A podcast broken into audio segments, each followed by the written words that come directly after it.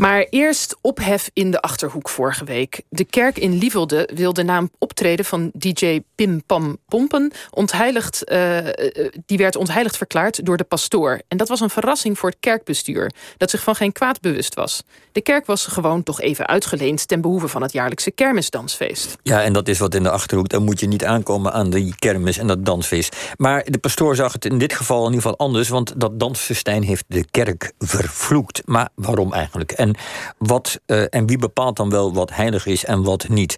We hebben hier aan tafel religiewetenschapper Ernst van den Hemel... om dat allemaal uit te leggen. Welkom Ernst, goedemorgen. Goedemorgen. Uh, wat is er gebeurd in Lievelde? Nou, er zou kermis gevierd worden. Een belangrijk feest natuurlijk. Maar in verband met corona werd er een uh, livestream evenement van gemaakt... en zocht men een goede locatie daarvoor. Toen is de kerk benaderd, of liever gezegd de locatieraad benaderd... of daar, vanuit daaruit dat feest uh, gestreamd mocht worden. Ja, even voor de helderheid, locatieraad, dat is een beetje een raar woord... maar dat heette vroeger uh, plaatselijk kerkbestuur. Ja, bij wijze van spreken, ja. En het ja. wordt zometeen nog, uh, nog belangrijk, want het is net wat anders... dan het parochiebestuur waar de pastoor ja, voorzitter dus is. Dus het is een dj, die is een beetje aan het muziek aan het draaien daar. Er staan misschien een paar mensen omheen. Dan zou je zeggen, hoe cares? Hoezo is dan de kerk ontheiligd? Nou, wat er, waar het om ging is... Uh, in, eerst ging het gerucht... Het werd, het werd ook het, het, liedje God is a DJ werd er, werd er gedraaid... wat uh, um, een beetje provocatief opgevat zou kunnen worden. Maar het grootste probleem bleek te zijn... dat er bier gedronken werd in en nabij het, uh, in de buurt van het altaar. En ook als je, je kan de livestream nog vinden trouwens, als je dat een beetje googelt, en dan, dan kan, je dat nog, kan je dat nog terugzien. En ook met een beetje afstand kan je wel zien dat het een beetje lomp is wat daar, wat daar gebeurt. Maar aan de andere kant, gebeurt ook wel vaker dat er in een kerk aardse activiteiten plaatsvinden. Maar wacht even, laat het toch nog even stilstaan. Want je zegt alsof iedereen dat moet begrijpen. Er werd bier gedronken in de buurt, of sterker nog, misschien wel op het altaar, zeg jij. Altaar, zeiden wij. Uh, waarom is dat zo erg? Want het altaar is, is de heilige plek van de kerk... waar de hostie bewaard wordt, het lichaam van Christus... zoals de katholieken dat zien. Is dat de reden waarom het ontheiligd is? Daar moet je gewoon heel plechtig en godsdienstig zijn en niets werelds doen? Ja, absoluut. Er zijn daar, het, is de, de, het is een heel bijzondere plek... waar ook uh, een, een, gewijde zaken plaatsvinden... waar de, de hostie en, het, uh, en, en de eucharistie gevierd wordt. En dat daar in die nabijheid dit soort zaken plaatsvinden... wordt gezien als kwetsend en als, en als chockerend. En dat is ook hoe het geformuleerd wordt. Hè? Dat uh, het hier gaat om ernstig kwetsende of gewelddadige uh, uh, activiteiten... die bij de gelovigen ergernis opwekt. Wie formuleert dat zo mooi? Dat staat in het, in het kanoniek recht. Oké. Okay. jij... Ja, jij zei net al, dit, dit, dit, eigenlijk vind jij, hoor ik al een beetje het een opmerkelijk... want er worden wel vaker aardse zaken, feesten binnen een kerk gehouden. Nou, wat, wat ik er interessant aan vind, is dat er... Uh, kijk, kerken, we hebben het idee dat in kerken alleen uh, heilige zaken plaatsvinden. Maar als je kijkt naar de geschiedenis van kerken... dan zie je dat gemixt gebruik eigenlijk al eeuwenlang uh, millennia lang uh, gebruikelijk is. Kerken worden voor allerhande zaken gebruikt... en vaak worden daar de grenzen van wat kan en wat niet kan... in de praktijk uitgetest, overtreden... en middels conflicten en correctie een beetje bijgewerkt. En daar is dit een voorbeeld van. Want het is best wel gebruikelijk, niet alleen in de laatste uh, decennia... dat er kerken verhuurd worden voor feestjes... of dat er zaken plaatsvinden. Maar ook eerder in de geschiedenis zag je dat er kerken gebruikt werden... voor aardse zaken, dat er handel gedreven werd... dat er huwelijken plaatsvonden en dat er ook bier geschonken werd. Ja, ja wat noemen ze noem eens een feestje dan, een, een middeleeuws feestje in de kerk. Nou, een van de zaken die je bijvoorbeeld terugziet in, in, uh, in debatten hierover... is dat in de middeleeuwen het gebruikelijk werd bij bepaalde uh, huwelijksfeest... dat er voorafgaand door het uh, echtpaar bier verkocht werd... om ook een beetje de kosten van het huwelijk, huwelijk te, kunnen, te kunnen dekken. En daar zijn debatten over, kan dat of kan dat niet? Mag een, een, een kerk zelf alcohol verkopen of mag dat niet? Mag er handel gedreven worden in een kerk of niet? En dat zijn debatten die, die je al in de 10e eeuw en in de 11e en 12e eeuw... die je daar terug kan zien. Maar is het verschil niet misschien toch een beetje iets anders. Dat als je, nou, als je, met je, als je gewoon terugkeert naar een kerk van de 11e eeuw, dat kunnen de meeste mensen zich niet meer voorstellen. Dan is dat altaar een plek, dat zit als waarde, dat is, dat is het priesterkoord, altaar, dat is bijna afgeschermd van de rest van de kerk. Dus dat was een heilige plek. Ik kan me voorstellen dus dat, dat die voorbeelden die je noemt... dat die wel in de kerk plaatsvonden, maar niet op het altaar. Nee, nou ja, je hebt ook wel plaatsen, dat het, momenten dat het uit de klauwen liep.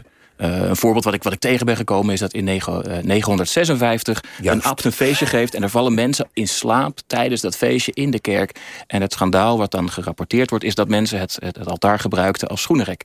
En dat werd een groot schandaal. En daar werd een, een, de abt werd het, het klooster uitgesleept en uh, de ogen uitge, uitgestoken.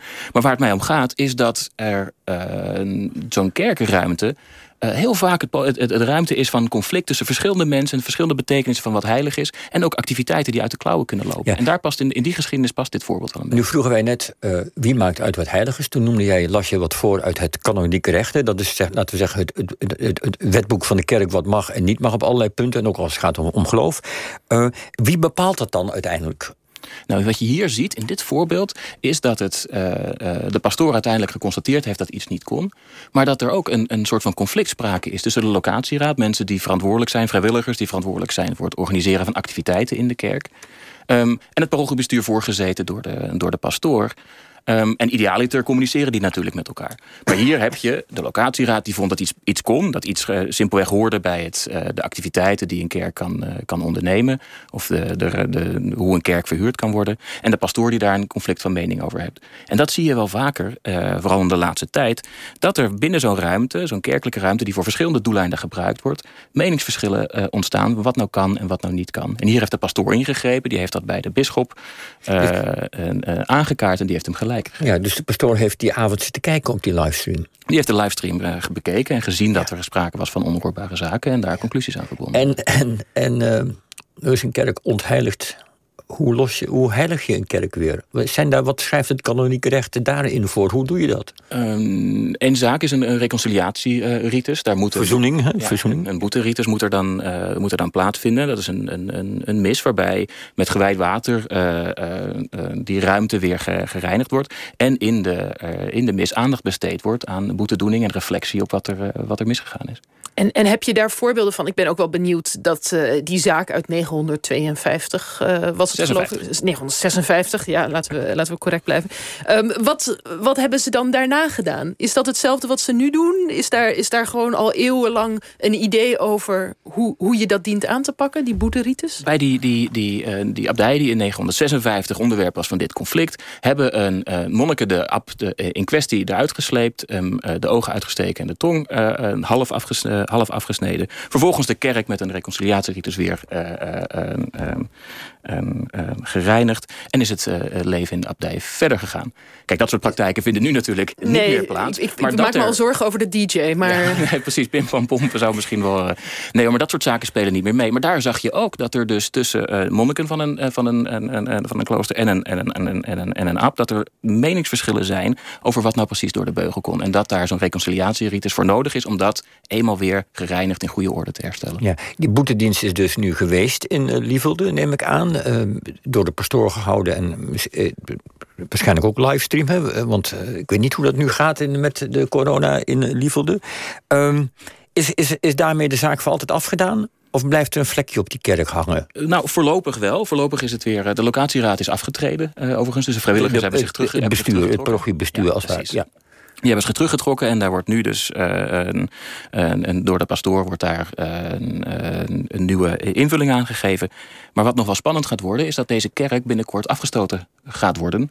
En dan wordt er een nieuwe invulling gegeven aan deze ruimte die buiten de, de kerkdiensten om zou gaan. En dan wordt weer een nieuw debat opgestart. Goh, wat betekent deze kerk nou eigenlijk en hoe moeten we met deze ruimte omgaan? Ja, want de bisschop van Utrecht, want daar valt Gelderland onder geloof ik, die heeft daar hele orthodoxe meningen over. Wat een kerk eh, voor hergebruik wel en niet mag. Ja, en daar wordt ook zo'n debat van hoe moet je nou met die ruimte omgaan waarin gewijde objecten staan. Nou, die kan je dan daaruit weghalen of daar kan je bepaalde uh, riten voor ondernemen. Maar wat doe je met die ruimte die voor veel mensen uh, heilig is?